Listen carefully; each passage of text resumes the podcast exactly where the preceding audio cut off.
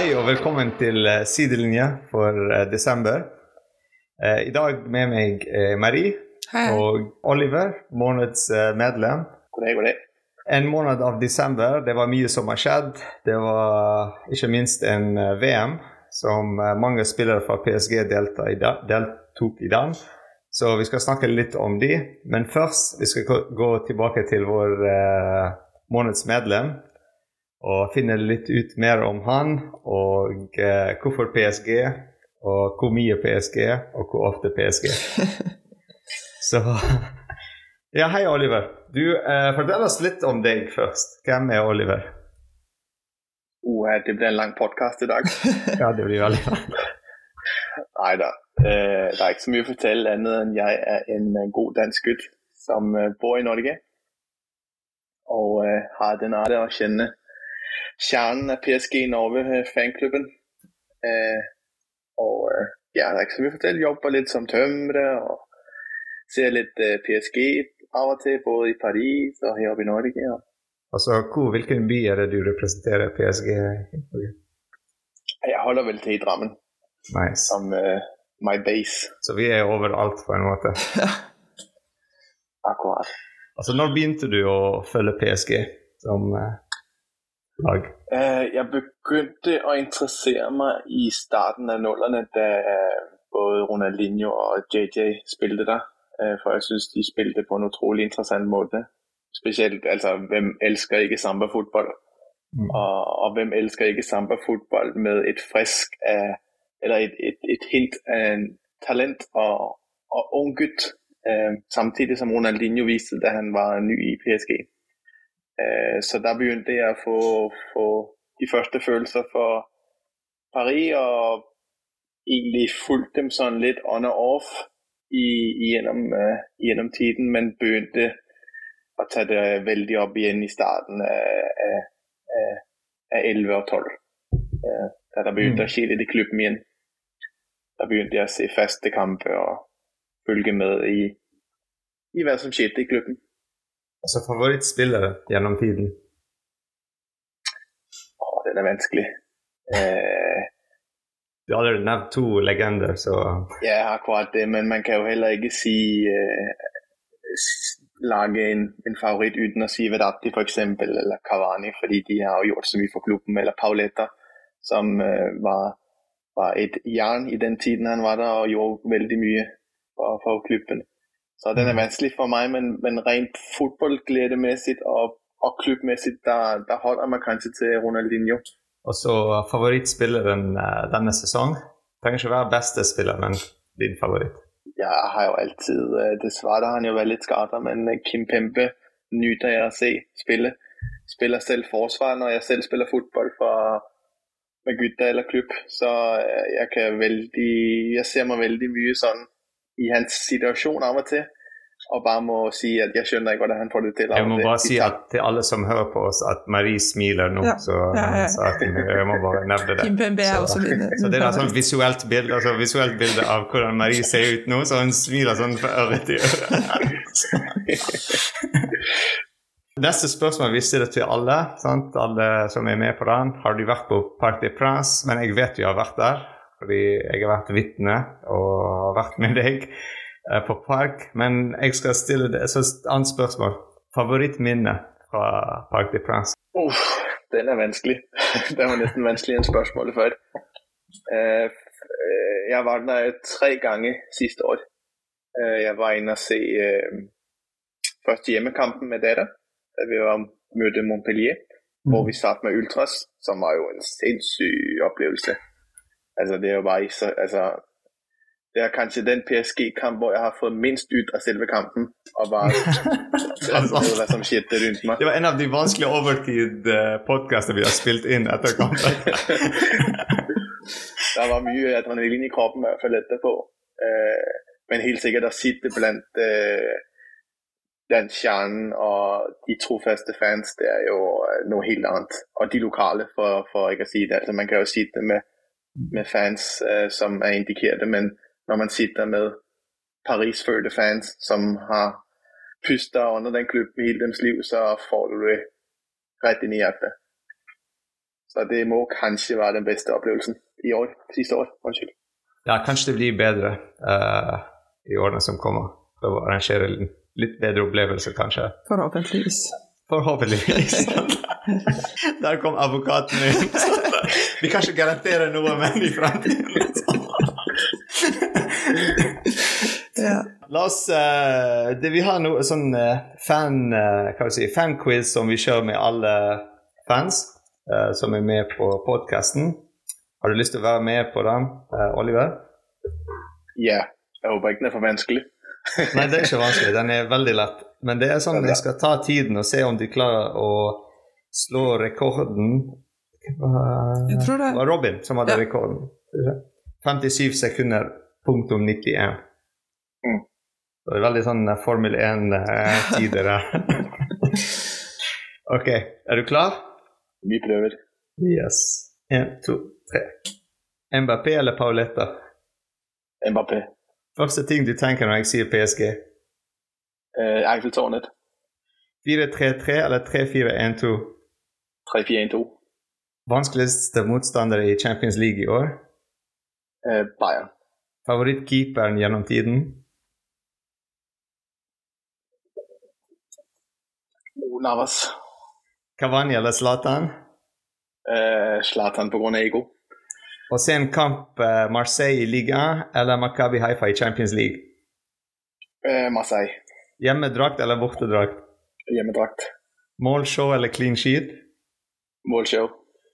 Hvis, hvis PSG var en cocktail, hva ville den ha vært? Sex on the beach.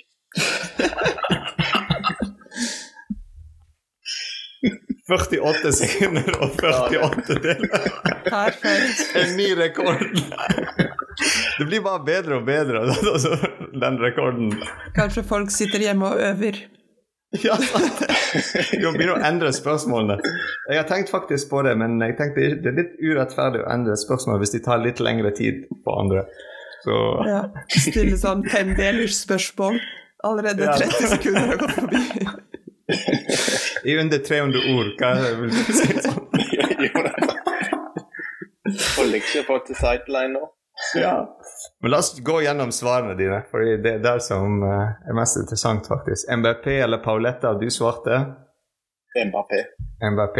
Hvorfor det? Du nevnte Pauletta i begynnelsen. Ja, men jeg må innrømme at uh, jeg liker jo verdensklasse når man ser, ser fotball. Jeg liker det beste av det beste. Og Mbappé han er jo bare en verdensklassespiller. Pauletta var god, og han var i topp uh, ti over de beste spisserne i verden. Men altså, å sette ham opp mot Mbappé, det er vel nesten urettferdig for ham. Uh, mm. Og så også fordi jeg liker kanskje den måten Mbappé spiller. Um, hvilken type han har bedre enn en, en typisk spiss. Og ikke minst, han er 24 år og er allerede en sånn ledertype. Så det er fantastisk. Første ting du tenker når jeg sier PSG? Da ser jeg Eiffeltårnet, fordi det er det man første man ser når vi ser logo.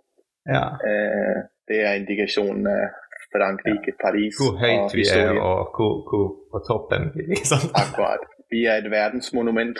Det er det vi er. Og liker du eh, logoen vi har nå, eller gamle logoen eh, bedre? Eh, det er så mange gamle logoer. Men den forrige Ja, det er akkurat det. Ja, den forrige. Um, jeg liker den forrige, faktisk. Ja, jeg òg. jeg liker den, for den er litt mer sånn Den her den, den kan godt være litt sånn virker som et logo der har spist litt for mye. Litt feit i det. Men, uh, men, den gamle var mer sånn enkel og clean uh, på måten den var bygd opp. Men jeg syns at det er en sinnssykt kul uh, løsning de har funnet nå. Ja. Uh, må dog innrømme at jeg liker jo den gamle PSG, hvor der stod PSG og så oh, ja. Tenkte å nevne det òg. Det er fantastisk ja. logo, da. Mm. Jeg liker den, den veldig godt. Uh, den er topp favoritt. Den ser ut som det er nesten tegnet av eh, en fra Ultra. mm, akkurat det. Altså 4-3-3 eller 3-4-1-2? Da velger jeg den siste med to opp front. Ja. Ja. og jeg liker bredden i å ha flere boksspillere mm. personlig, da, men men øh, hvis man tar det PSG-laget vi har nå, så er det helt sikkert bedre med, med breie vinger eller breie spisser, kan man si. Mm. Og vi så faktisk uh, Galtier starte uh, mot Angers med en uh, 4-3-3 og endre til uh, en 3-4-1-2. Mm. eh, midt i kampen. Så også vanskelig, vanskeligste motstander i, eh, liga, i Champions League, beklager. Vi har ikke vanskelige i ligaen, sant? men i Champions League. Ja, da må det være kampen eh, mot Bayern. Så det er neste runde? Ja. runde. Ja, det blir vel eh, den første testen i år. En stor test. Altså Hvis du sier at den er vanskeligste Ja, for etter det så blir det bare walk in the park. Ja. Marie, hvem er det du tenker altså, Vi har aldri snakket om det, faktisk. Uh, hvem altså, tenker du er Kanskje vi må kjøre en sånn fan-quiz på deg, Marie? også? Ja, jeg sitter her veldig uskyldig og, og slipper unna. Men uh, hvem er min største Jeg jeg er ganske uh, Jeg er ganske sikker på at vi kan ta City, selv om de er sett på som liksom en av de store, så føler jeg ikke at de leverer så utrolig bra denne sesongen. Mm. Uh, ja, kanskje Bayern eller Real. Og så er jeg litt bekymret for sånn mindre lag som kan Mm. skape en upset, sånn type Napoli. På en måte ikke bekymret, og på en annen måte så tenker jeg de har ingenting å tape. De, hvis de møter oss i en kvarterdelsfinale, så bare ja, så gjør de det de kan, og, og det kan Mm. godt holde. Så jeg er egentlig litt bekymret for alle. sånn bot, for å bottom line. Ja, det er litt skummelt å spille mot de lagene mm. som er veldig sultne og vil komme videre. Sant? Eh, En Og som Napoli spiller vant 5-1 over Juventus i går, Eh, så de er jo i, i knallform. Mm. Så er jeg er enig med Maria der. Men også, det er alltid sant, eh, lett å gå på de store navn som Bayern og Real. Mhm. og Men jeg tror det er viktig å huske at de store navnene er store for en grunn. Og så jeg, jeg tror generelt sett Champions League er Champions League, og alle kom til det nivået de er ved å være topp i sin egen liga, ved, ved å slå ut mange andre lag som også var topp i sin egen liga.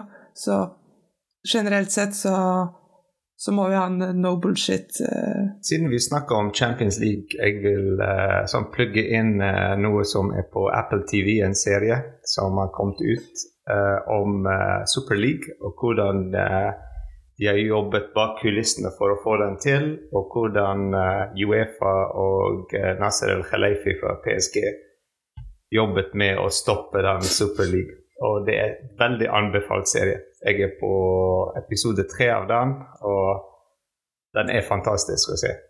Og også kanskje snakke litt om hvor mye fans eh, protesterte den eh, Ja, F.eks. engelske lag som Arsenal, som, aldri, eller, er som ikke hadde vært i Champions League på mange år, og som kanskje Mm. kunne likt å være Mm. recurrent. Fansen sa et veldig klar nei, og jeg syns det var veldig kult å se. Ikke minst sånne veldig veldig store lag som f.eks. Ajax Amsterdam. Mhm. Eh, de er, for meg de er et stort lag. Ja. Men for uh, Superliga så de, de var ikke store nok. Sant? De var bare et lite lag. Eh, fordi de generelt ikke så mye penger og alt dette. Så det er alltid om penger. og sånt. Så det er veldig interessant. altså De har sånn live action sant? med intervjuer og live eh, videoer når ting skjedde live. Uh, så det er veldig kult. Uh, ikke minst mye av det er filmet i Montreux i Sveits, der jeg gikk på skole, så det er veldig kult å se steder jeg har vært på. Så ja, veldig, veldig anbefalt serie, faktisk. Men uh, tilbake til eh, reality. Altså, uh, favorittkeeperen. Du sa Keylor Navas.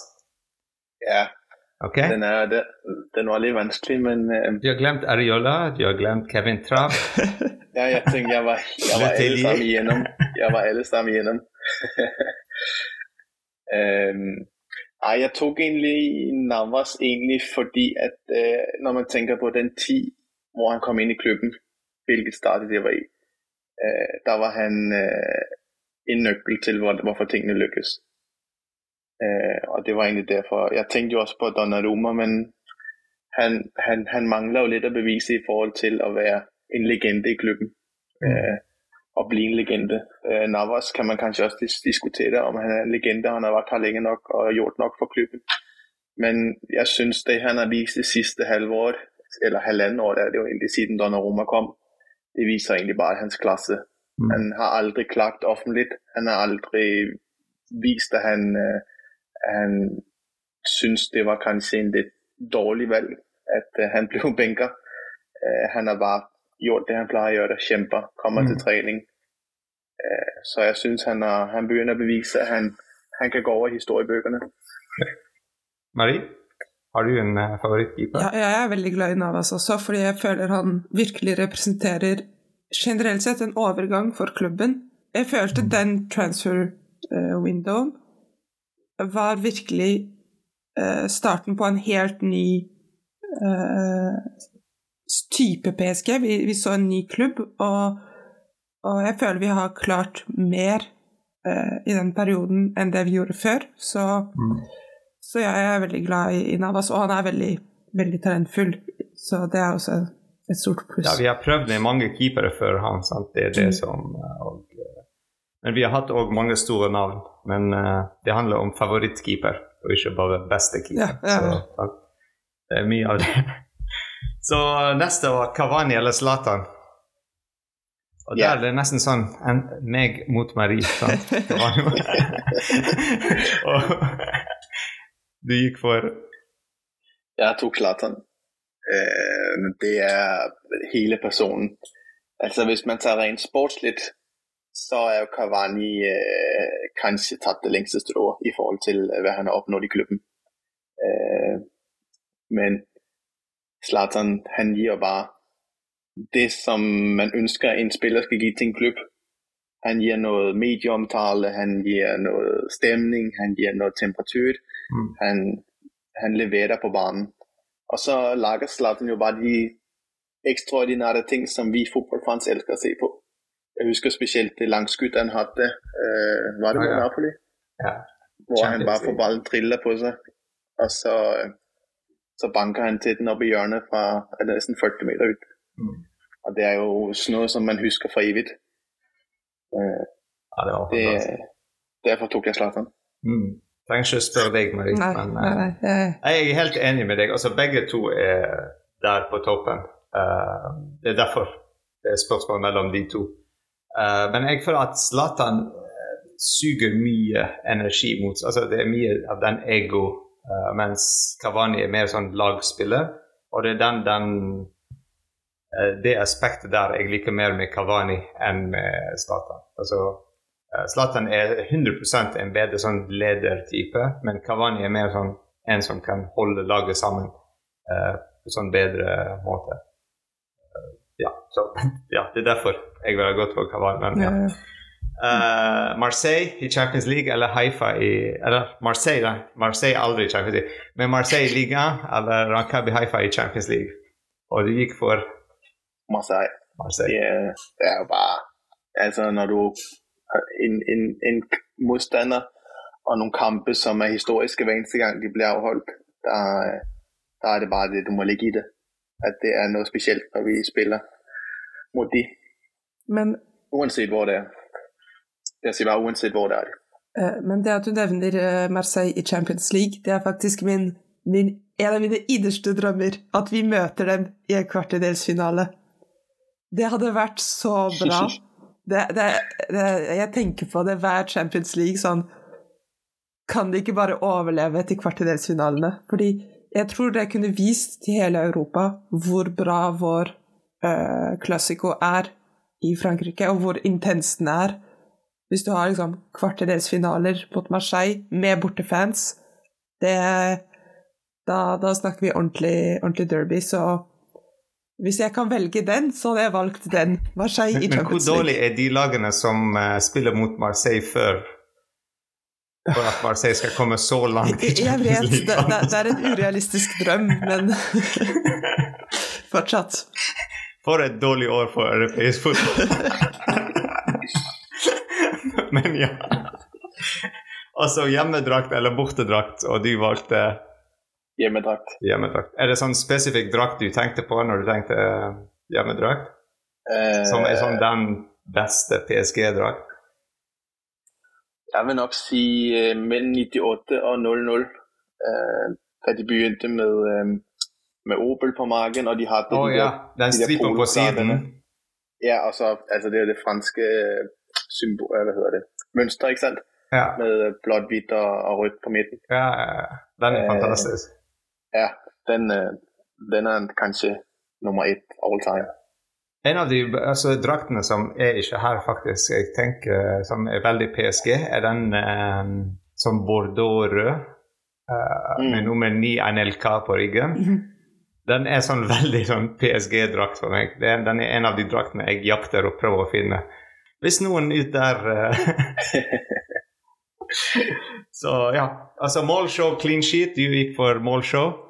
Ja. Det er noe som vi så mye av i begynnelsen av eh, sesongen, men eh, litt uh, mindre nå. Så kanskje du ikke er veldig fornøyd med PSG nå, eller hvordan er det?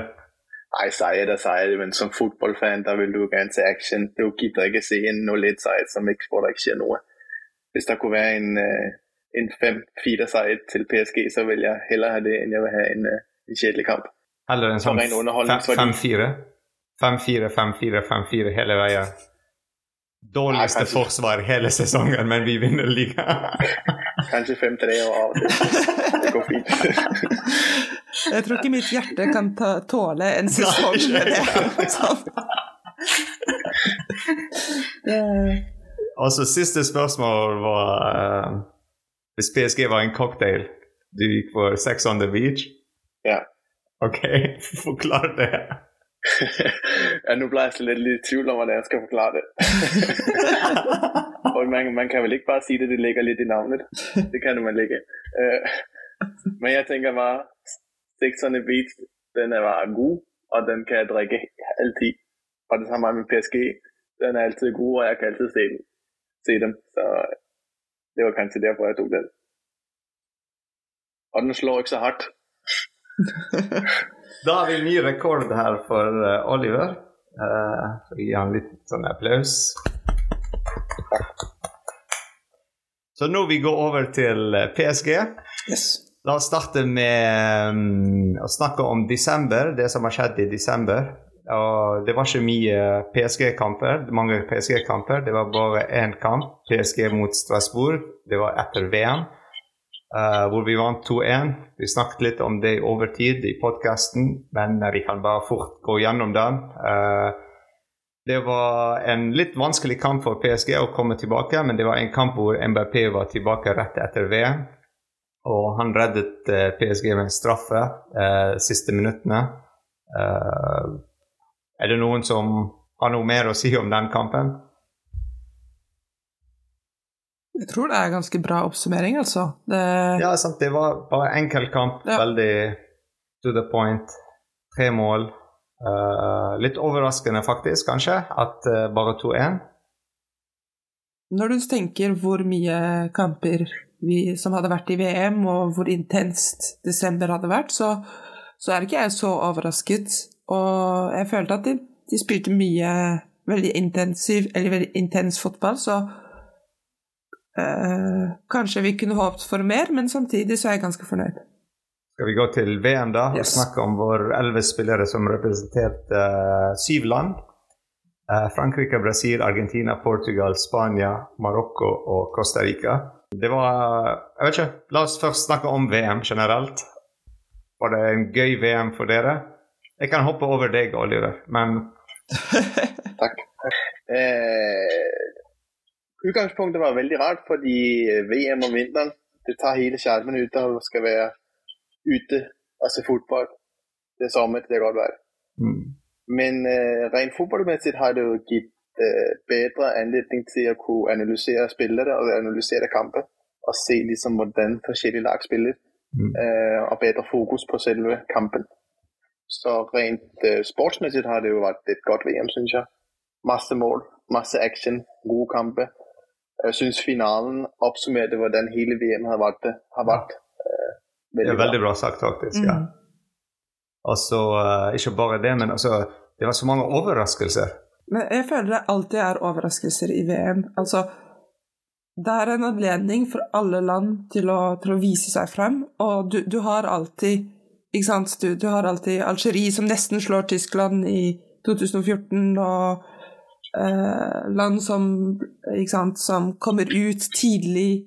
Og jeg syns det som er veldig eh, det, er, det, er, det som er bra med det, turneringer generelt sett. At mm. du har alltid små lag som klarer å gjøre eh, kjempebra ting. Og så har du store lag som ikke kommer så langt som forventet. Skal vi gå gjennom uh, de elleve spillere og gi dem karakter yes. fra 1 til 10? Yes. Og hvorfor? Uh, skal vi ha sånn formasjon, begynne bak med keeperen? Ja. Uh, Costa Rica, Keylor Navas. Han spilte tre kamper. Um, klarte én clean sheet. Siden han er keeper, vi kan ikke si hvor mange mål han skåret, så han klarte én clean sheet. ja, første kamp absolutt klart ikke en clean sheet der. Det var 7-0 mot uh, Spania. Og så 4-2 uh, eh, på Tyskland mot, uh, på siste, og 1-0 mot Japan. De vant. Den er jo litt vanskelig fordi at altså, jeg må si jeg regner, på at, jeg regner på at alle har sett alle kampene i VM, så vi kan gi karakterene sant, riktig. og jeg tror jeg mangler de siste ti minutter av Danmarks siste kamp. Den, den, det orker jeg ikke se. Men ellers har jeg sett alt. Nei, men jeg synes jo altså Costa Rica er jo litt vanskelig, fordi Costa Rica for fire-åtte år siden var jo et veldig bra lag. De gjorde det jo greit i VM i de sluttrunder de var til. Var overraskende gode. Men man så jo at det var et lag som sliter veldig nå med å få et fullbyrdet lag. Og når man ikke har Skansen foran seg, så som keeper er det veldig vanskelig å klare resten. Mm. Uh, Pluss han har hatt et vanskelig halvår. Han har ikke fått så spilletid. Han er ikke kamp på dem. Men Navas er jo så dyktig i spillet, og han er så han er så erfaren at han, han går bare inn og så gjør han det han pleier å gjøre. det.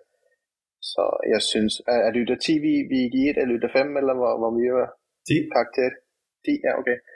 Da må det jo være en, um, en 6 eller greit, fordi han burde kanskje ikke lukke inn syv mål mot Spania, hvis man skal være helt fair. Men men ut fra det han, han, han fikk å jobbe med, da har han hatt et OK VM.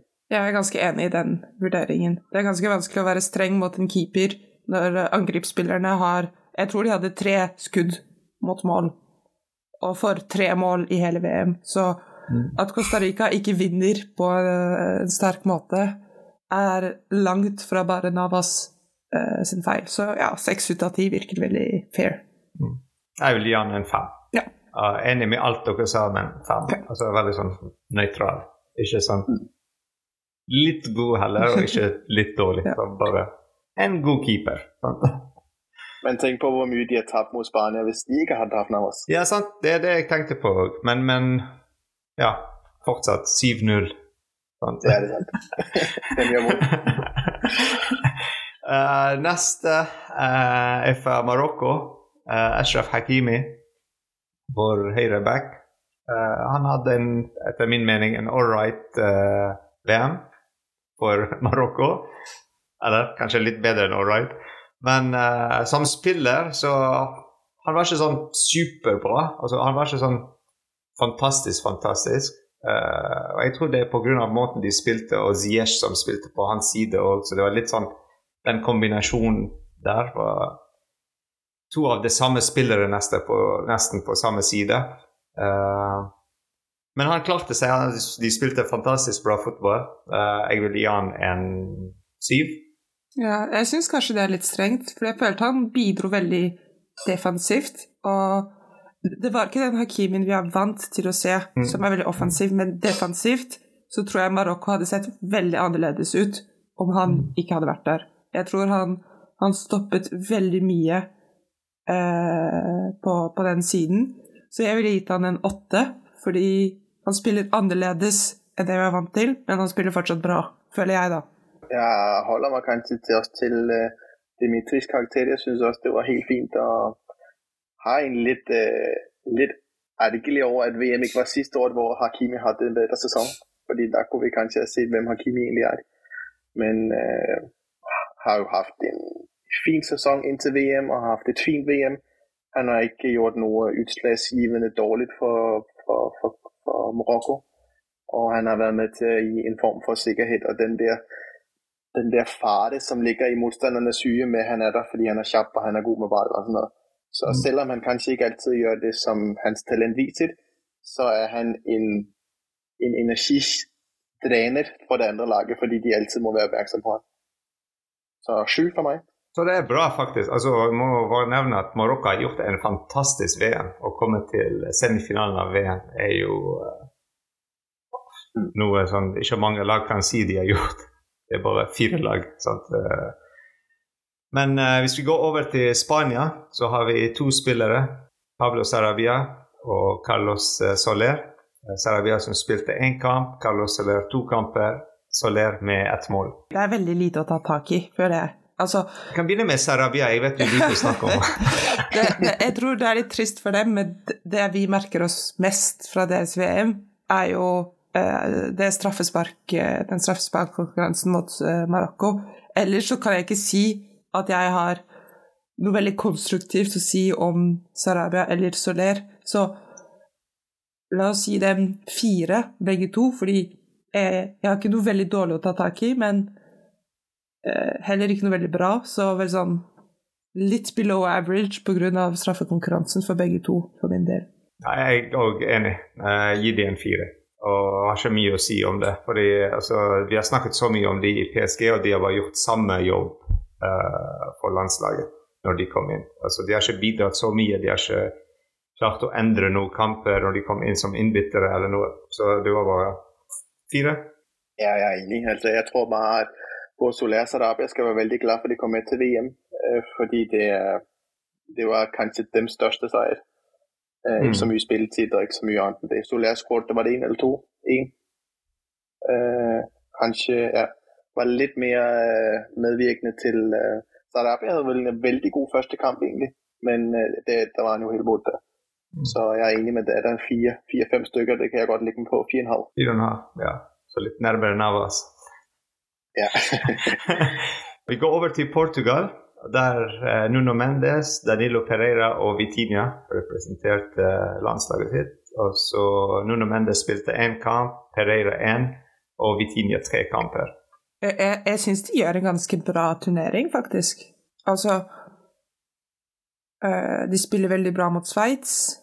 Uh, de viser mye av sine talenter, f.eks. Uh, Ramos som, som, var veldig, som, har vært veldig flink for Benfica.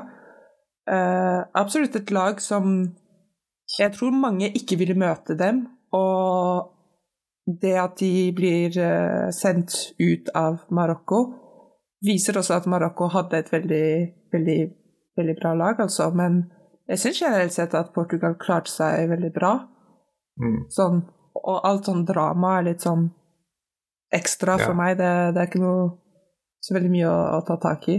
Altså Det Marokko hadde den uh, VM uh, Vi går tilbake til Marokko nå. Men det de hadde, var en trener som var en leder. Altså De hadde ikke én leder på banen, men de har en trener som var ung og uh, sånt, alle relatert til. Alle forsto. Uh, og så Han var nesten med dem på banen. veldig engasjert. også samtidig så de spilte som et lag. Og de var veldig mentale uh, sterke. Noe som vi så med Frankrike for fire år siden. De har glemt hvilket uh, sånt, uh, klubb de spilte for.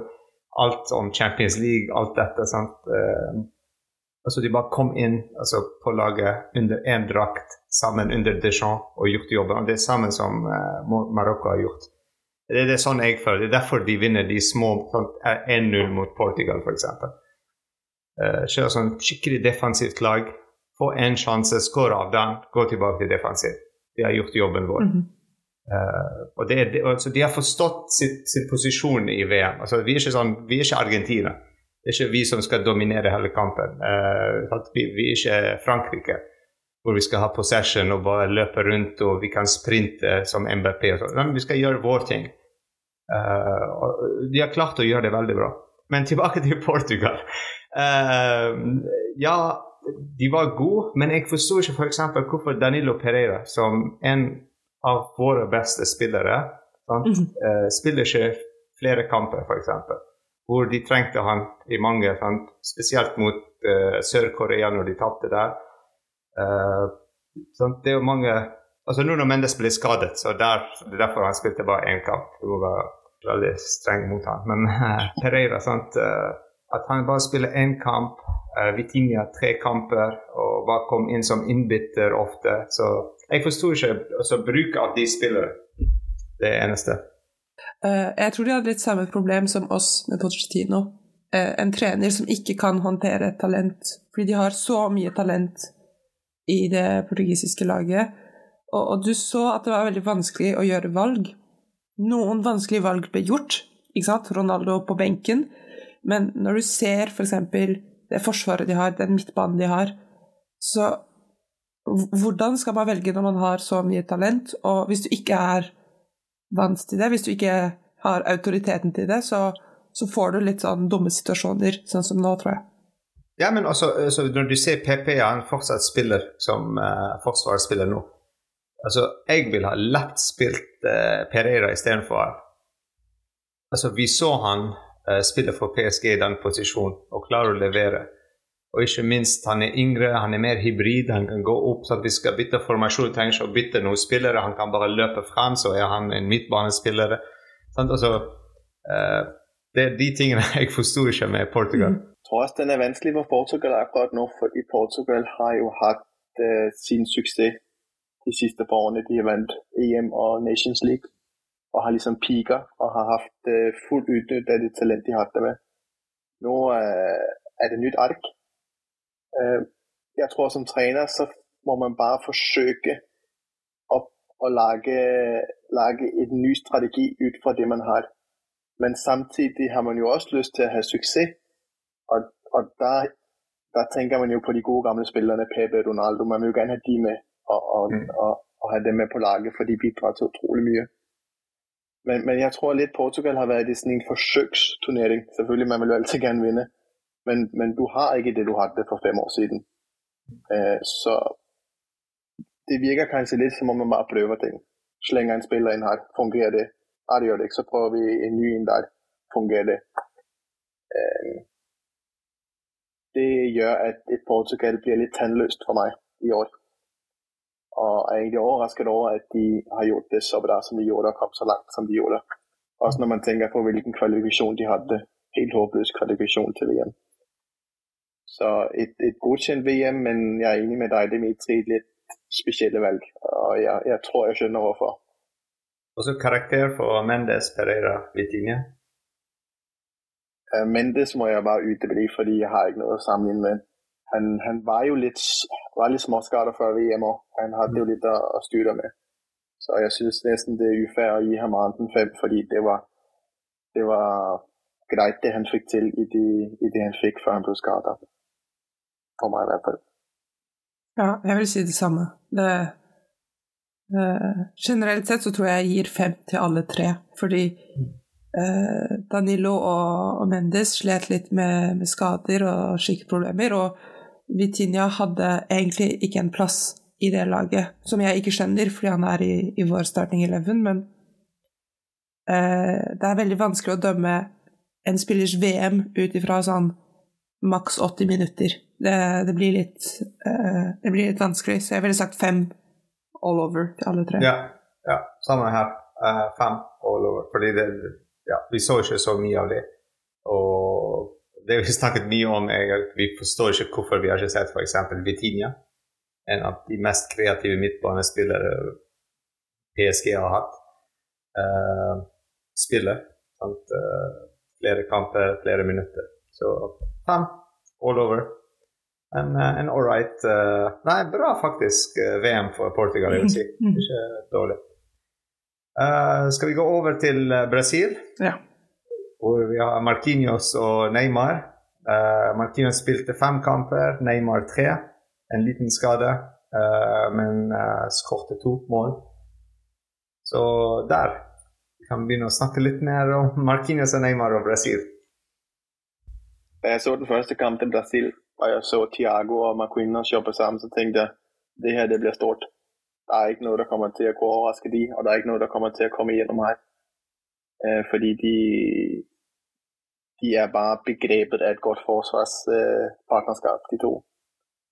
Øh, så jeg synes jo, at det har været, det var utrolig lovende til at starte med. Mm. Øh, Marquinhos fik jo selvfølgelig en ærgerlig rolle ved at bombe på det sidste straffe, men altså det kunne have været hvem som helst på det lakke. Altså, det er jo å gjøre en til Sønderborg, det er jo bare uretfærdigt, fordi det, noen må tage det straffe. Så jeg synes Markinos han hadde et helt feilfritt VM for meg. Og synes jeg egentlig også Brasil hadde. De hadde jo alle, de kamper som de spilte, var jo fantastisk fotball. Mm.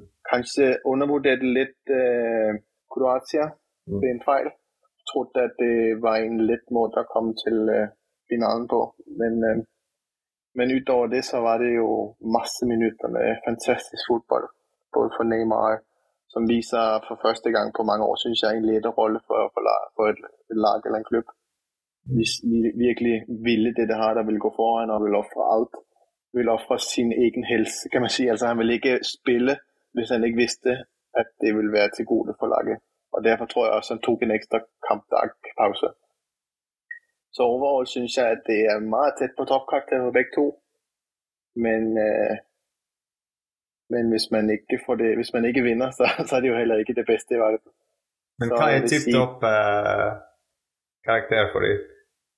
Det er hvis man bidrar til alle i alle kampene, og man går ut som Altså med, med, med, pokalen, rett og slett. For meg, i hvert fall.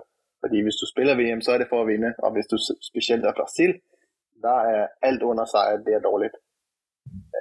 Men de gjorde det utrolig bra, så en 8,5-9 stykker for meg for de to, det syns jeg er fair.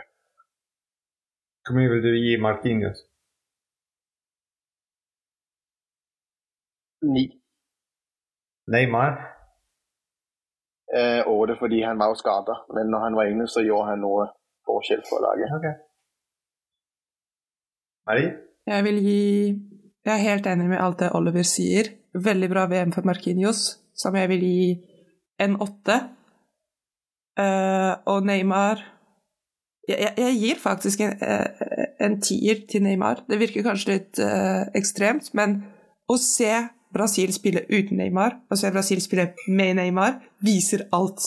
Jeg, jeg føler faktum at han var skadet, beviste at om han hadde gått til finalen, så hadde ingen diskutert hvem eh, turneringen spiller for. Han, han, endret alle kampene han var med i, og alle kampene han ikke var med i, var vanskeligere på grunn av det. Så Faktisk så vil jeg gi han en tier, fordi uten han så hadde Brasil vært et helt, helt annet lag. Jeg er helt enig med deg. Uh, og det er en sånn disadvantage å gå sist i sånn podkast. Uh, eh, at alt blir sagt foran deg. jeg er helt enig. Det er en Brasil med Neymar og en Brasil uten Neymar. Uh, og vi, vi, så den. det er mange som alltid snakket negativt om Neymar fordi de ser ikke mye liga. De følger ikke det. De bare følger noen Champions League-kamper. og Av og til Neymar har en dårlig dag i Champions League, og de tror at sånn er Neymar hele tiden. Uh, men han, han, har sånn kapasitet til å endre kamper. Det er det, det, det, vi snakker om å endre kamper. Når vi snakket om Sarabia og Soler f.eks., når de kommer inn, uh, hvor mye de bidrar. Sånn. Neymar har den uh, kapasitet til å endre en kamp. Selv om han blir eldre og eldre, men jeg tror hans rolle blir annerledes enn det folk forventet. Det er mange som bare ser han hver fjerde år i VM, og de tror at han er fortsatt det han var for åtte år siden eller tolv år siden. At han skal bare løpe rundt og drible rundt alle. Men han er blitt en helt annen spiller nå. Veldig sånn uh, mature. Uh, sånn, han, han, ser ting annerledes. Uh, ja, han er veldig viktig for PSG, og ikke minst for Brasil. Jeg gir han en ni. Marquinhos åtte. Hvis vi går over til Brasils nabo Eller nei, skal vi Kanskje vi Så det er finalen nå. Frankrike-Argentina. Skal vi gå med vinneren eller verdens beste spiller? Jeg syns vi burde ta de sammen. Ta de sammen? Ja. Fordi de, de, var så, så nærme hverandre at Ok, Frankrike og Argentina. Kylian Mbappé og Lionel Messi. Mbappé spilte syv kamper, Messi syv kamper. Mbappé åtte mål, Messi syv mål. Messi vinneren av VM, Mbappé vinneren av VM forrige gang. ja Nei, det... Messi syv ganger Ballon d'Or, mens MBP er verdens beste spiller nå. facts. ja, absolutt facts. Men uh, En ting jeg synes var veldig interessant i finalen, var at det var Messi mot Mbappé. Det var helt sykt å se de to spillerne gå opp mot hverandre. Og det er derfor jeg syns det er interessant å se de sammenligne de, fordi uh, du så virkelig eh, to fantastiske spillere som bare svarte til hverandre hver gang det andre laget skårte, så, så, reagerte de. Og det, jeg tror det er det som gjorde at kampen ble så, så fantastisk og så spennende. Så mm. jeg syns begge to har vært helt, helt fenomenale i dette VM-et. Mm. Og selv for Det du sa nå nettopp uh, Jeg fikk sånn det bildet av uh, Messi og Ronaldo. Husker du den kampanjen de hadde ja. før VM mm. fra Louis Vuitton? Altså De hadde sånn, de satt der og spilte sjakk. Mm. Altså Jeg følte at det var sånn. Det var MBP mot uh, Messi. Og de var der de spilte. Og så de brikkene, altså sjakkbrikkene de flyttet rundt, var de andre ti spillere. Ja. Altså, det var de som styrte hele laget. Altså, ja, det var Griezmann på, på, i Frankrike, ja, det var andre spillere også. Men det var hovedsakelig alt som Alt er MBP på Frankrike, Frankrikes side. Uh, alle var sånn Hvor er MBP? Vi skal sende til ham. Eller hvordan kan jeg få ballen til MBP? Og det samme med Argentina. Mm. Hvordan kan vi få ballen til Messi? Skal vi snakke først Argentina? Frankrike, og så gå inn i MBP-Messi. Selv om vi har begynt med MBP-Messi. De, de, startet med tap mot Saudi-Arabia, så la oss begynne der. ja, men det var jo også en vanskelig kamp. altså. Hvis man ser på spillet, så var jo Argentina overlegne. Uh, hadde misforstått litt hvordan offside funker, kanskje. Men uh, hvis, de, hvis, hvis, offside ikke har vært i fotball, da hadde de vunnet altså, like stort som uh, Spania vant og Costa Rica. Mm. Um, så på den måte var der en liten innkjøringsfase. Men jeg tror at både med, øh, både med den mentalitet Argentina har omkring fotball, og spillerne har, så vet de også hva som skal til for å snu en synkende båt. Øh, og det gjorde de jo fantastisk etterpå. Så spilte jo god fotball fra kamp to og CC-finalen mm. hele veien igjennom. Var jo selvfølgelig også litt pris og takknemlig for at en, en spiller som Enzo Fernandes plutselig våkna og var jo ekstremt god og gjorde en forskjell. Og Di Maria hadde sitt beste VM noen gang. Uh, hadde selvfølgelig sine problemer med litt uh, spilletid og skade og, sånt, og små ting, men uh, når han var inne, så var han jo like stor trussel som Messi og de andre var. så generelt et VM som var jo flott å se på for Argentina. God fotball. Og jeg syns finalen oppsummerer jo utrolig godt hvilket VM de har spilt opp. Brukt de muligheter de har, brukt, brukt de spillerne de har. En spiller som Dybala, som er verdensklasse, får ikke lov å spille fordi det, det er ikke bra nok. Eh, enhver annen nasjon har brukt ham fordi de, det skal dem. de må. Ellers så blir det ramaskrik. Men de har simpelthen bare sagt vi, vi må gjøre hva det skal til for at vi blir det beste laget i verden. Jeg må bare si jeg er stor fan av Dybala, så ja. uh, ja, Marie? Og så føler Argentina. jeg at de har spilt med mye realisme. At de, de, de har spilt på den måten som var nødvendig. Når, når du ser f.eks. at de bytter inn Dybala ett minutt før slutten av finalen fordi de vet at straffespark kommer, det er avgjørelser som er smarte. Når du ser at Chouamini aldri har skutt et straffespark, i en offentlig og offisiell turnering, det er dumme beslutninger. Og det er forskjellen på slutten av dagen. Ikke sant? det er det vi sa om Portugal. Dumme beslutninger og smarte beslutninger kan skade og bedre et veldig godt lag. Og Argentina gjør riktig valg. Så for meg så har de også en veldig, veldig bra trener, fordi du ser hele turneringen at riktig valg blir gjort. Eh, for å bedre laget, og for å svare på forskjellige eh, trusler de, de, møtte. Jeg tror også det er noe å gjøre med hvis du ser på selve truppen, så har Argentina ikke det beste laget i verden. Altså, der er to-tre lag som er mye bedre enn dem på papirer, med spillere på posisjoneringer og hvor mye forskjellige folk de har å rykke rundt med. Hvis du har England f.eks., de har jo fire høyre- og venstreback til sammen, eller på hver sin posisjon, som kan gå inn og erstatte hverandre og gjøre en like bra jobb. Argentina har bygd det de hadde, og de har spilt eh, opp til hver sitt talent. Ikke minst uh, fans der på stadion. Mm. Det var sykt altså, å få de bak laget. Så, men en annen ting vi snakket ikke om, det er hvor mange straffespark uh, Argentina fikk i VM. De, de, de, jeg, jeg, har merket at de, fikk for mange straffespark, og noen av de var litt billige. Ikke minst i finalen. sånn, altså, det, det, var litt av den òg. Jeg sier ikke at dommerne og alt sånn jobbet for at Messi skal vinne VM og sånn, men det var litt av den. Det var litt sånn litt for billig. Litt for uh, Hvor mange mål har Messi skåret? Syv mål? Hvor mange av de er straffe? Men du ser på MBP, f.eks. På andre siden. Han jobber hardt. Uh, løper, sprinter så mye. Uh, bidrar så mye for laget. Uh, ikke alle målene er bare straffespark. Uh, Skåret så mange forskjellige typer mål. Uh, veldig kreative mål. Uh, jeg synes det er veldig viktig å ikke kjøre en sånn full courtois og si å ja, men vi spilte bedre selv om vi tapte, og det er kjempeurettferdig.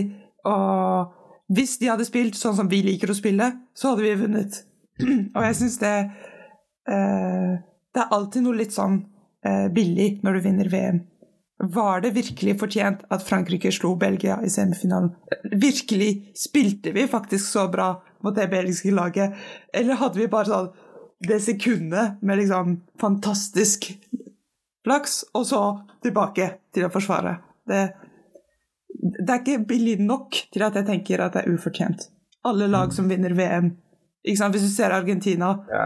det er, uh... Nei, det er ikke sånn at de fortjente ikke den. Altså, nei, altså, overhodet ikke. Altså, de har spilt fantastisk. Mm. Som Oliver nevnte, bare tenk angripet de har. Sant? Eh, Lautaro Martinez, uh, Messi, uh, Dybala altså, det, det, er syke navn der. Uh, ja, men altså måten de vinner på. altså, Selv om vi har alle de angrepsspillerne, men det er sånn ett måls forskjell, det er alltid straffe. Altså, det, det, det var ikke noe eh, fantastisk i måten de vant den, men de vant den.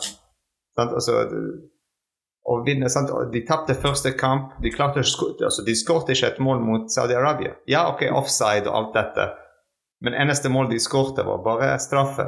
Eh, Argentina-Mexico 2-0 eh, mot Polen 2-0. Mens altså andre lag har klart 7-0 mot de mindre lag, og 4-0 og 5-1. Altså, det var sånne store uh, Ja, 3-0 mot Kroatia, det var bra. Sant? Vi kan ikke si noe der. Det var et eller annet med, med Det var en sjanse at de kommer til å tape, sant? selv om de var uh, favoritter. Uh, fordi Jeg vet det fordi jeg har tippet mye og tapt mye penger.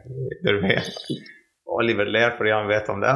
Så sant, Det var mye av, av det òg, når de spilte f.eks. mot Nederland. De ledet 2-0, og så klarte Nederland å skåre to mål sant, siste minuttene. Det er den konsentrasjonen det er den, altså, De er ikke sånn veldig stabilt lag. De er ikke sånn et lag så Det er mye av den følelser og sånt, sånn latinsk, latinamerikansk fotball. Det er derfor sant, eh, supportere spilte en stor rolle der. Um, som du sier, treneren òg. Han var nesten på banen med dem. Men, men altså, du ser på, på, på, måten Frankrike vant, det var mye sånn taktisk. Det var mye sånn de har uh, studert motstanderen, de har forstått god, hvordan de kan vinne. altså Vi trenger ikke å bruke mye energi på det. Det går helt fint hvis vi taper den kampen mot Tunisia. sant? Uh, sant? Bruker sånn andre laget, men vi får de andre hvile. Altså, og ikke minst, de hadde åtte skader før VM. Uh, og store navn som Pogba, som eh, Benzema. Sant? Altså store navn. Uh, men ja. uh, gratulerer for Argentina. Men ja uh, Til slutt så vant de. Altså, men det er den stilen. Det, er sånn å vinne med stil som Pochettino lovet oss at han skal gjøre, men aldri gjort. Hvis vi går zoomer litt inn på Argentina og Frankrike og ser de to hovedspillere der, MBP og Messi, og gi dem karakter og eh, Altså, vi må gi én høyere karakter enn andre. Altså, det går ikke an å gi ti for begge. Så hvis man kikker på, på finalen i seg selv, så Takk hele VM, Oliver. Altså. Ja, hvis jeg, jeg deler det litt opp, så, så tar jeg en samlet vurdering etterpå. Men hvis du ser på selve finalen, som hadde Mbappé jo en bedre finale enn Messi. den måten han avgjorde kampen til fordel for Frankrig eh, og fikk snutten, det, det, viste jo bare hvilken klassespiller han er. Eh, og han ikke bare skrur på straffe, som selvfølgelig er press nok i en finale, men han liksom får, få skåret mål nummer to. Ikke sant? For snudd seg og få flukta den inn på en eller annen sinnssyk måte. Viser bare at han, han, han var i toppform i den finalen der. Uh, rent VM-messig var han jo uh, kanskje uh, litt mer stengt inn av og til i noen kamper enn en Messi var, fordi han Messi er mer en god type. ikke sant? Hvis han ikke så sender han en levering som er bra Messi, og så blir det åpna opp og sånn. Mbappé han bare løper for folk. ikke sant? Og Hvis han ikke får den gode pasningen, så, så, må han jo tilbake igjen og jobbe seg opp igjen. Så rent VM-messig syns jeg Messi hadde kanskje et bedre VM enn Mbappé. Fordi han gjorde så mye mer Messi for, for selve laget. Men Mbappé redda eh, Frankrike så mange ganger med sine måler og spilte en så viktig rolle i avgjørende momenter. Så jeg syns den er vanskelig å, å gi to forskjellige karakterer. Men hvis jeg skal gi Messi en 10 fordi han vant, så må jeg jo bare nøjes med en 9 til, uh, til Mbappé. Og så blir min karakter av Markinhos plutselig feil, fordi så er den for høy.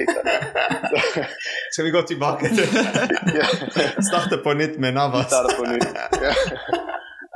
Altså, jeg gir uh, Mbappé 9,8 og Messi 10. Ja, jeg tror det bare er rettferdig å gi den beste karakteren til spilleren som vinner, og det er så fortjent. Når du ser hvor bra han klarer å bygge spillet, hvor mye han gjør med så lite. Altså, du skulle trodd at å ikke løpe var et stort problem for en fotballspiller, men for Messi så er det ikke et problem. Så for meg så er Så, så må jeg si meg enig med, med Fifa. Messi er en ti ut av ti-spiller i dette VM-et, og Mbappé rett, rett etter med, med 9,5, kanskje. Og jeg håper virkelig at vi ser mer fra MBP, men, uh, men jeg tror det er den mest realistiske vurderingen å si 10 for Messi og 9,5 for MBP.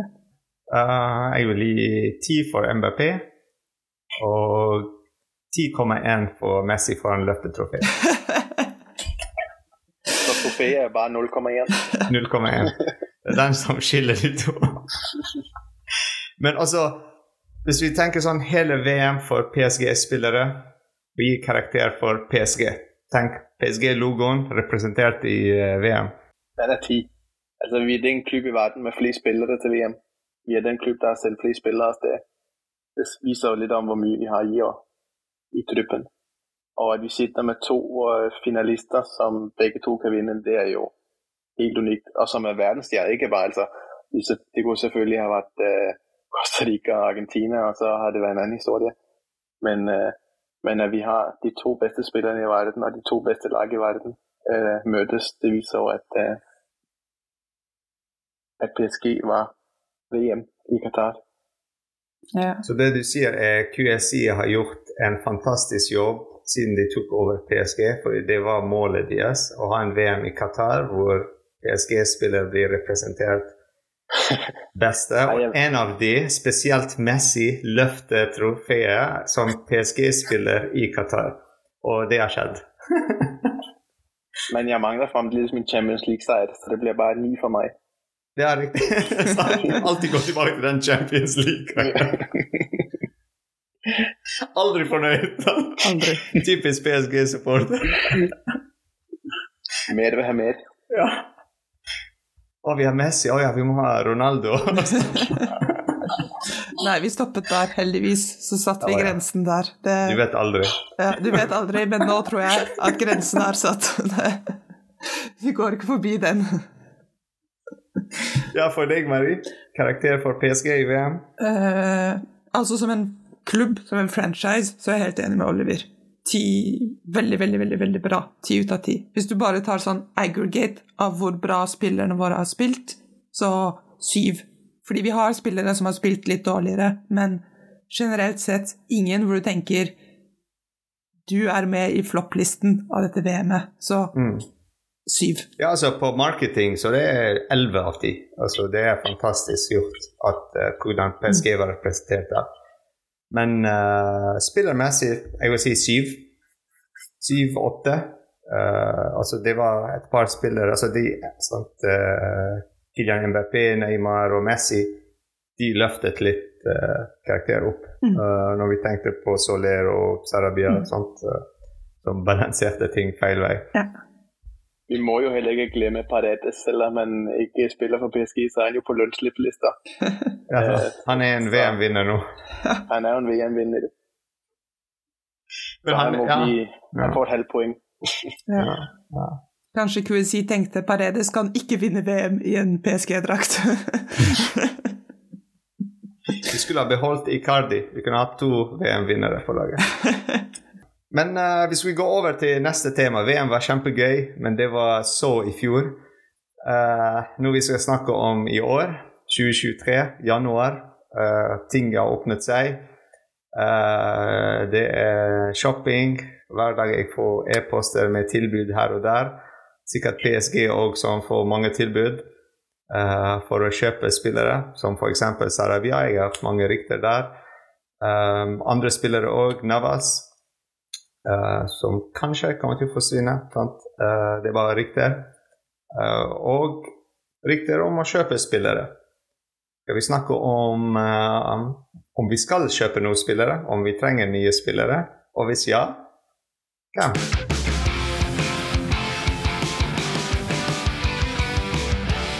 Nei, altså Hvis man ser på, på selve trykkbredden, så har vi jo nok spillere fra mitt, fra midt uh, midtbane oppover. Litt tynt besett på forsvarsposisjonene, spesielt nå hvor vi har vært litt skade, skaderamt. Så det er helt sikkert noe som hvis jeg har vært i ledelsen i PSG, hadde fokusert på å finne noen erstatninger der. Eventuelt, jeg vet ikke, kalle hjem Dagba hvis det plutselig blir veldig krise fra Strasbourg. går han hjem som en slags uh, løsning på, på, noen av kantene hvis Mente ser ut i lengre tid og begynner å slite det neste halve året med skadene sine. Uh, så det er helt sikkert et, et, et tema der oppe i, i, i møteagendaen akkurat nå hos PSG. Mm. Og vi må ikke glemme at Pembele er tilbake, uh, så vi har en ekstra forsvarsspiller nå på laget.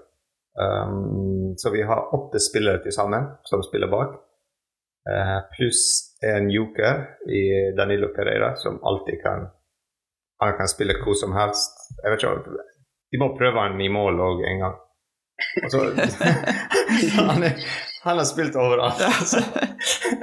Men altså, hvis du ser på hvem vi har, sånn, de navnene uh, vi, vi, snakket om Hakimi under VM. Kim Pembe kunne lett vært i VM hvis ikke får skaden. Uh, Sergio Ramos, topp mm, forsvarsspiller.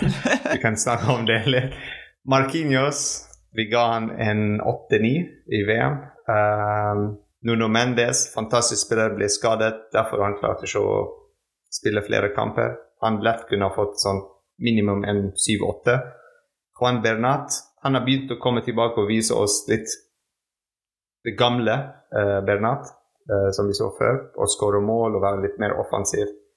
Vi kan snakke mye om det defensivt han bidrar med, men offensivt han gjør jobben sin. Uh, Mukhili òg Uh, tok litt tid, men han er der. Uh, spesielt han føler seg mer trygg nå når Hakimi ikke er der. Han får mer tillit, mer plass uh, til å begynne å starte og gjøre det han gjør. Og ikke minst PMBL er tilbake. Så vi har nok spillere. og ikke mange skader, faktisk. hvis du ser på det, var Kim PMB ute nå, og Pembele kommer tilbake fra skade. Så alle de andre er der. Pluss den bonus Danilo Pereira. Så vi kommer nevne uansett hvilken posisjon vi snakker om. Han er alltid der for oss. Så ja. Men jeg syns vi mangler han på benken som kan gå inn og være et sikkerhetskort. De unge spillere de har jo talenter, de er gode, men de er jo veldig jo-jo opp og ned. Blir det en god kamp, kan de komme inn og, og være våkne overfor det som må gjøres for at de skal kunne gjøre en god kamp. Mm. Uh, så der mangler vi litt den del, den erfaring på benken den, øh, det er den vi må å se på, ifølge min mening. i hvert fall. Det er litt vanskelig å finne de spillerne lenger, fordi vi hadde den i dialog. Og han nesten sånn nektet å sitte på benken lenger. Han følte seg litt større nå enn å bare sitte på benken. Sant? Og det er forståelig, sant? fordi vi hadde han, og han var fremtiden, og plutselig kommer Sergio Ramos der inn uh, i bildet. Så det, det, er litt av den uh, strategien eller politikken i klubben òg. Uh, mm. Å prioritere sånne spillere som Ramos foran Diallo. Vi hadde ti lokkerer som vi solgte. Altså, vi kunne hatt de spillere, sant? bygget på dem.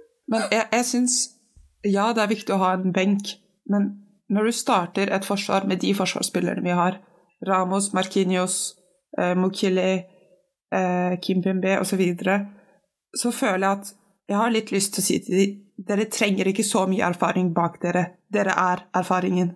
Det, eh, det At det er bare mentalt, eller? Ja, eller si generelt sett at hvis dere starter kampen, så må, må, dere på en måte håndtere kampen. Dere kan ikke si at ja, men hvis vi ikke klarer det, så kommer liksom eh, en enda bedre spiller inn. Hvis det hadde vært en enda bedre spiller, så hadde han startet kampen, og du vært på benken. Og, så, jeg syns det, dette liksom, veldig sterke ropet om at å ja, vi må ha liksom eh, top tier-spillere på benken, er, virker litt ulogisk. For hvis de er så top tier, så, så starter de kampen. Det er alltid en liten nedtur til spillere som er på benken, mm. for ellers så er de ikke på benken. Og jeg syns Markinios, Ramos osv. De, de kan ikke lene seg på faktumet at å ja, men vi, vi, klarer oss ikke. Ikke fordi vi spiller dårlig, men fordi de som kommer inn for oss, ikke klarer å gjøre opp for våre feil. Det, det blir litt urettferdig. Så for min del så kan vi fortsette med, med de unge spillerne, fordi eh, deres rolle er ikke å ta feilen for en Markinos-feil. Deres rolle er å få erfaring og bli klubbens fremtid. Ikke å være sånn syndebukk sånn Og hvis vi tapte, så var det fordi Bichabu ikke har erfaring. Så jeg, jeg, jeg syns vi kan holde oss sånn som vi er, fordi vi har mange spillere i Forsvaret. Ja, altså Ut av de spillere jeg nevnte bak Jeg har ikke nevnt Bichabu fordi han er fra altså under 21-laget. Uh, eh, han bare kom inn og ut etter behov mm. uh, og trener med førstelaget. Men han òg er der. Altså, vi har talenter, vi har fremtiden, vi har spillere. Så uh, jeg vet ikke, sant? Det, det er et eller annet med hva blir, vi blir vant til som PSG-supportere, måten vi har gjort ting Og kanskje det er den endring i mentalitet som trengs av toppen. Uh, F.eks. de snakker nå om å signere ny kontrakt med Ramos. Uh, er det riktig valg? Sant? Um, Kimpembe er 28 år.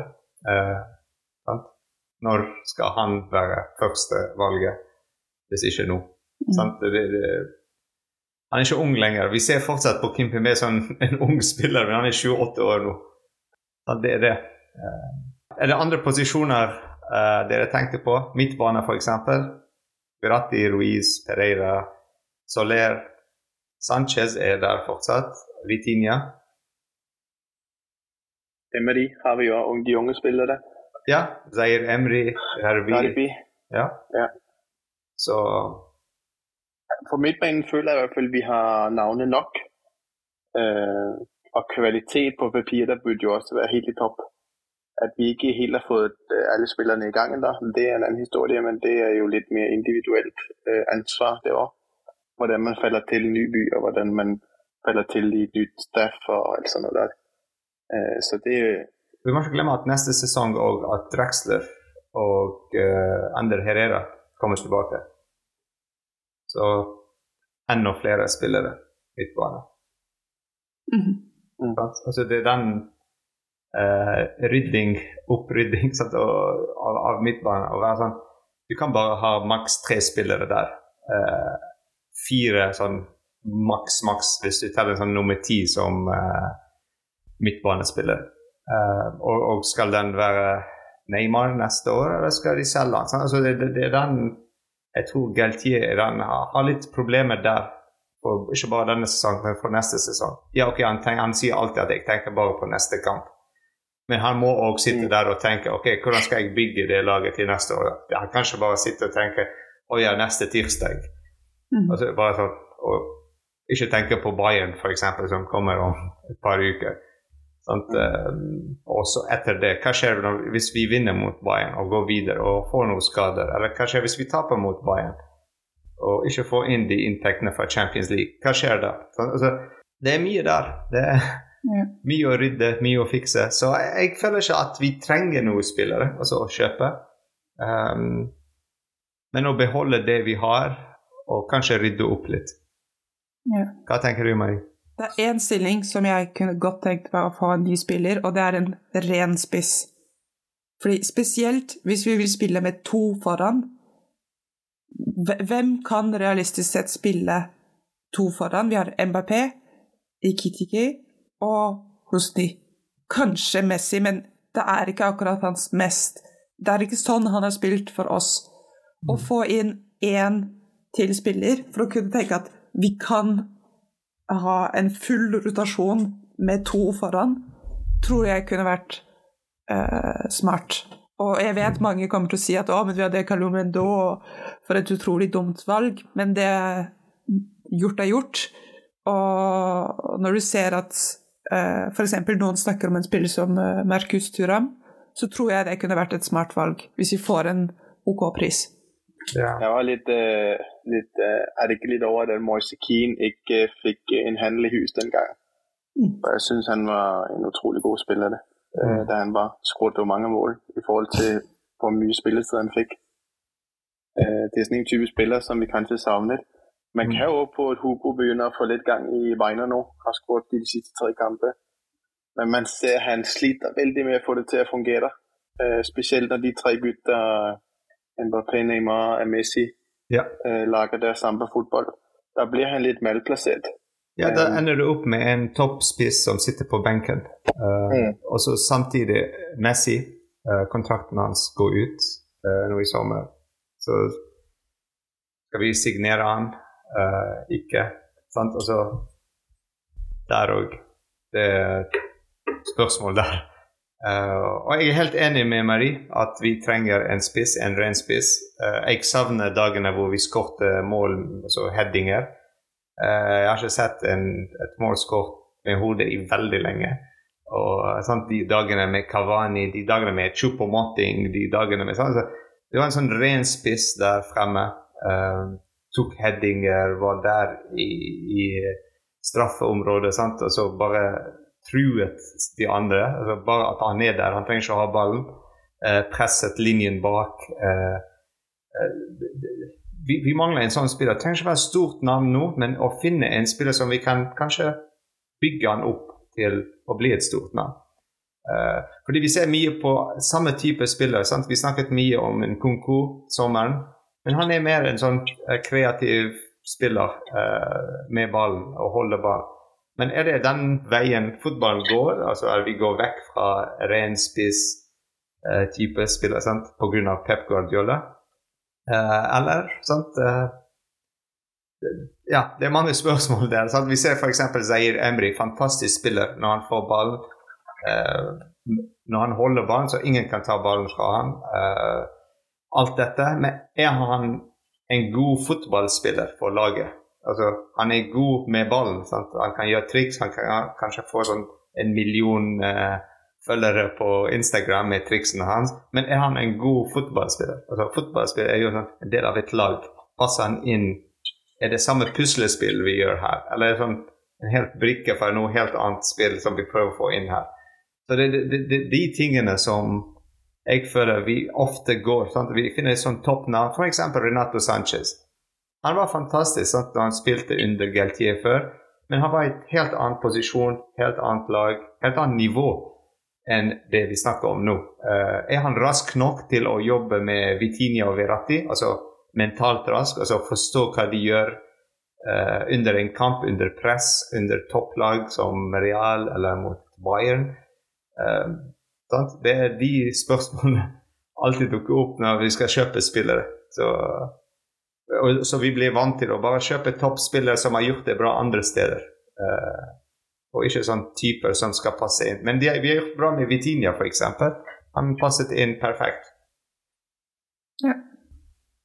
Det er også litt veldig vanskelig å bygge opp et lag, og jeg skjønner godt hvorfor trenerne blir veldig godt overhåret etter hvert. Uh, fordi hvordan skal du Du har et system du veldig gjerne vil spille under, mm. eh, som du liksom foretrekker, og som, du, som din trupp eh, kan spille.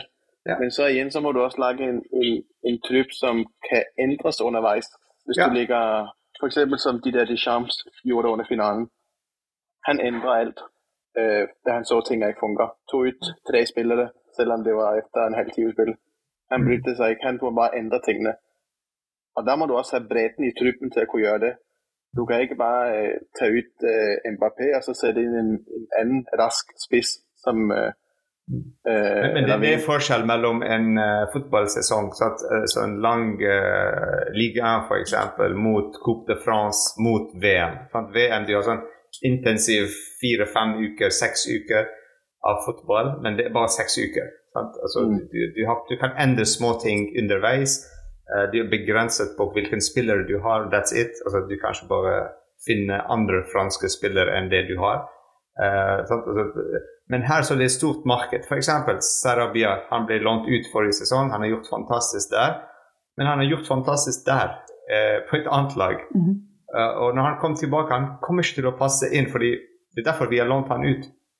Mm -hmm. Fordi Hvis han passet inn, han ville ikke bli lånt ut. Det er derfor vi fikk Messi istedenfor. Altså, og han kommer ikke til å ta Messis plass, altså dropp fra Messi til Sarabia hver gang de blir byttet der, eh, er veldig stor at ingen kommer til å bli enig, altså, eh, eller ingen kommer til å bli eh, fornøyd. Altså, tenk du som supporter, sant? du har Messi der, og så plutselig det er Sarabia som spiller istedenfor. Det er ikke det samme fotball. Uh, og det er samme for treneren. Det Messi gir deg, er noe helt annet enn hva Sarabia gjør. Så hvordan skal du bygge laget? Altså, det er de spørsmålene alltid når de kjøper spill. Men jeg føler vi mange ganger gjør den feilen at vi kjøper bare navn. Mm -hmm. at de har funket et annet sted, så får vi de inn. Um, Du nevnte han, han Enzo Fernandez. Mm -hmm. fantastisk spiller. Sant? Superbra spiller for Benfica og alt. Men kommer han til å passe inn i midtbanen med Verratti Vitinia? Eller blir det bare en tredje Verratti Vitinha? Og ingen kan bidra på noe mer enn å drible fint og spille sånn raske pasninger. Uh, er han god med hodet, f.eks.? Det, det er sant uh, Derfor hver gang uh, Danilo Pereira spiller midtbanen, han gir oss en litt ekstra dybde med høyden hans og kroppen hans. Han er litt sterkere. Litt, altså, den balansen vi, vi, tenker alltid sånn bra dribling, bra pasninger, fantastisk mål. Nesten sånn at de ser bare på highlights på YouTube av spilleren og så bare sånn, ja, fantastisk spiller, få han inn. Jeg vet ikke hva dere tenker. Nei, nei, jeg, jeg, jeg syns det er veldig Men på en annen måte syns jeg også det er veldig viktig å gi litt sjanser. Jeg føler at av og til i PS, eller generelt sett i fotball, så er vi veldig raske med å si at å ja, dette, dette funker ikke. Og det er naturlig at det er en overgangsperiode. Og jeg håper virkelig at f.eks. spillere som Soler og Ruiz ikke blir liksom eh, lånt ut med en gang. Eh, fordi vi, vi, må spille det inn i dette laget. Og kanskje vi finner ut om to-tre sesonger at det bare ikke var mulig, men vi, vi, må på en måte stå ved det vi har sagt. Hvis vi ville ha Ruiz, hvis vi ville ha Soler, og når du ser hvordan de spiller, så føler jeg at det var ikke navninnkjøp. Jeg tror Galtier og Campos satte seg ned og så noe i deres spill som de likte, og som kunne passe inn i vårt lag. Og nå må du bare eh, få det til å, å funke. fordi uansett Eller det, det, er veldig smart å si at sant, det er som et puslespill med biter, men på slutten av dagen så er det mennesker, og, og, du kan ikke bare pushe dem inn i den perfekte lille firkanten som er PSG. Det, det er alltid litt overlapp og, mm. og, litt problemer, så jeg tror også tålmodighet er veldig viktig. Så for eksempel Sarabia, jeg føler enten så må vi selge han, eller fortsette å gamble på han. Men vi, vi, kan ikke låne han ut og si 'Å, se hvor bra han gjorde det i en annen klubb'. 'Å nei, fortsatt ikke her'.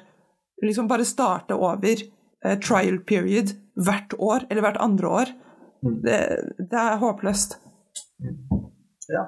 Jeg også fikk nå en live update. Nå. Vi spiller den inn på lørdag klokken 12.40. Fikk en medical update fra PSG. Så Nuno Mendes er tilbake på trening. Uh, tilbake neste uke og kanskje spille kamper. Kim PMB òg har begynt å trene alene, uh, så han kan trene nå. Uh, så han blir kanskje frisk om et par uker. Virati er skadet. Og ja, det var en sånn litt oppdatering vi fikk nettopp. Så det er kult. ja, så ja, som du sier, det er helt riktig. Det er mennesker på slutten. Men altså eh, Det er òg eh, en jobb. Uh, også, uh, av og til så mange firmaer rekrutterer feil personer til jobben bare fordi CV-en deres ser fantastisk ut. Altså Det er det jeg prøver å si. Sant? Altså, de baserer ting bare på ord på CV, og ikke på den menneskelige og hvordan de kan passe inn i en gruppe som eksisterer allerede der på jobben. Uh, sant? ja, det den uh, prøvde å si. Sant? Det, det, det, det, hjelper ikke med bare å ha navn. Altså, for eksempel, jeg er veldig sånn og, uh, skyldig av det når Messi i fjor, eksempel, jeg var Den kommer aldri til å funke, men nå funker den. Men òg spørsmålet er funker den pga. Uh, at han passer inn taktisk, eller funker den bare fordi han er Messi? Han bare tok litt tid for å komme inn, og så han bare gjør det han alltid har gjort. Da, altså det, de, de spørsmålene òg. Uh, er han en del av puslespillet, eller er han en sånn ekstra bonus som passer inn uansett hvor du setter inn? Og ikke alle spillere er sånn, uh, men noen av de er født til å være sånn. Men andre som Sarabia, f.eks., du nevnte. Uh, vi hadde Wijnaldum. Han, er, han, var fantastisk med Liverpool når han kom til oss, og han passet ikke inn i systemet. Jeg tror også vi har vært veldig Vi har hatt litt flaks med Vitinha, at han bare kom inn og så passer han inn. jeg håper de har banket på bordet der. Men det er også litt med mentaliteten, for jeg leste en artikkel om Vitinha, og han er en type som uh, altså Etter nesten et par måneder så snakker han fransk. Altså Han virker som en type som gjerne vil, og som vil bevise, og som bare har fått tingene til å fungere i, i Frankrike og Paris. Ja. Så Det er jo litt med det å gjøre. Fabian Louis er tross alt litt eldre. Uh, nå vet jeg ikke så mye om hans privatliv og har en familie og barn. Men hvis han har det, så er det plutselig en helt annen sak å skulle falle tilpass til pass og få de over det og alt sånt der. Så altså, det kan godt være, vi ser dem på banen og synger i 90 minutter, så sier vi, hva, hva i all verden skjer der? Mm. Men vi vet ikke om den kamp som, som fungerer på privat og i treningene og alt noe der. Så det var så mange navn vi nevnte uh, som vi følte som vi må ha. Slenge én ut. Gvardiol fra Kroatia, fra Leipzig. Bare for sånn. ja. Og så, øh, så, har vi en, så har vi en backup. ja, jeg har ikke sett så mange spill altså Under VM så det er alltid gøy sant, å bruke den sånn som uh, scouting og se på sånn nye spillere som aldri har sett, spesielt fra sånt land som Japan eller uh, uh, Sør-Korea. Nye spillere som aldri har hørt om. Men nei, det var ikke sånn noe som vi trenger, eller noe som kommer til å endre laget vårt. eller noe sånt. Vi har alt der, så det er bare å få den til å fungere. Mm. Uh, og den funker. altså Det er ikke sånn at den funker ikke. Vi er topp av ligaen, vi er videre i Coupe de France, vi er fortsatt i Champions League. Uh, alt funker, alt går bra. Uh, sånn som vi sa, vi ga toppkarakter til våre spillere i VM. To av de ble snakket om i mange uker etter VM-finalen. Altså, vi har bra lag og alt, så jeg tror ikke vi trenger så mange endringer der. Men uh, la oss uh, se hva Nasser El Khalifi og uh, Campos sa der. Uh, Bankkontoen og jevn bak hele PSG. ja. Så, ikke kikk på Instagram-rykter eller sånt, nei, så har vi 150 spillere neste uke. Nei, vær så snill, ikke se på Instagram. Fordi Ronaldo hver uke kommer til PSG. Ja. Hver uke. Uh, og ja det, er, ja det, er, så mye der. Men, uh, men du kan høre på sånne podcaster som gir deg bare offisielle ting. Sånn liten plug-in. Takk, Oliver, at du Yes. Men uh, takk for dere. Takk, Oliver, at uh, du kan være med. Takk for alt du gjør, alt innsats du setter inn. Uh, og sånt, Å være med på fanfest og sånt. er kjempegøy. Mm -hmm. Og som jeg nevnte over tid, at nå PSG uh, Snakket litt med PSG, altså nå de skal gi sånn um, en uh, giveaway, en gave, uh, hver måned. Vi vet ikke hva det er. Forrige måned så det var en andre drakt, den grå. Og så Den ble vunnet av en fra Norge, PSG Norway, så det er veldig gøy. Uh, så ja, neste gang så vet jeg ikke hva det er, men det bare å joine Fanfest, og sjansen blir høyere å vinne noe. Altså dere blir kontaktet direkte av PSG uh, eh, for å finne ut hvem vinneren er. Så takk, Oliver. Uh, håper vi kan se en kamp sammen uh, snart. Marie, tusen takk. Takk, takk. Håper det blir litt varmere hos deg i Paris. Ja. og ici c'est Paris. Paris. Accélération de Ronaldinho, Jérôme Leroy, Ronaldinho qui va essayer de passer, il a éliminé Kwasi, Ronaldinho toujours à l'entrée de la surface, Ronaldinho oh, Oh c'est beau. Quel but exceptionnel réussi là par le Brésilien champion du monde du Paris Saint-Germain, Ronaldinho. 1-0 pour le PSG, ça n'est pas du talent collectif là, c'est vraiment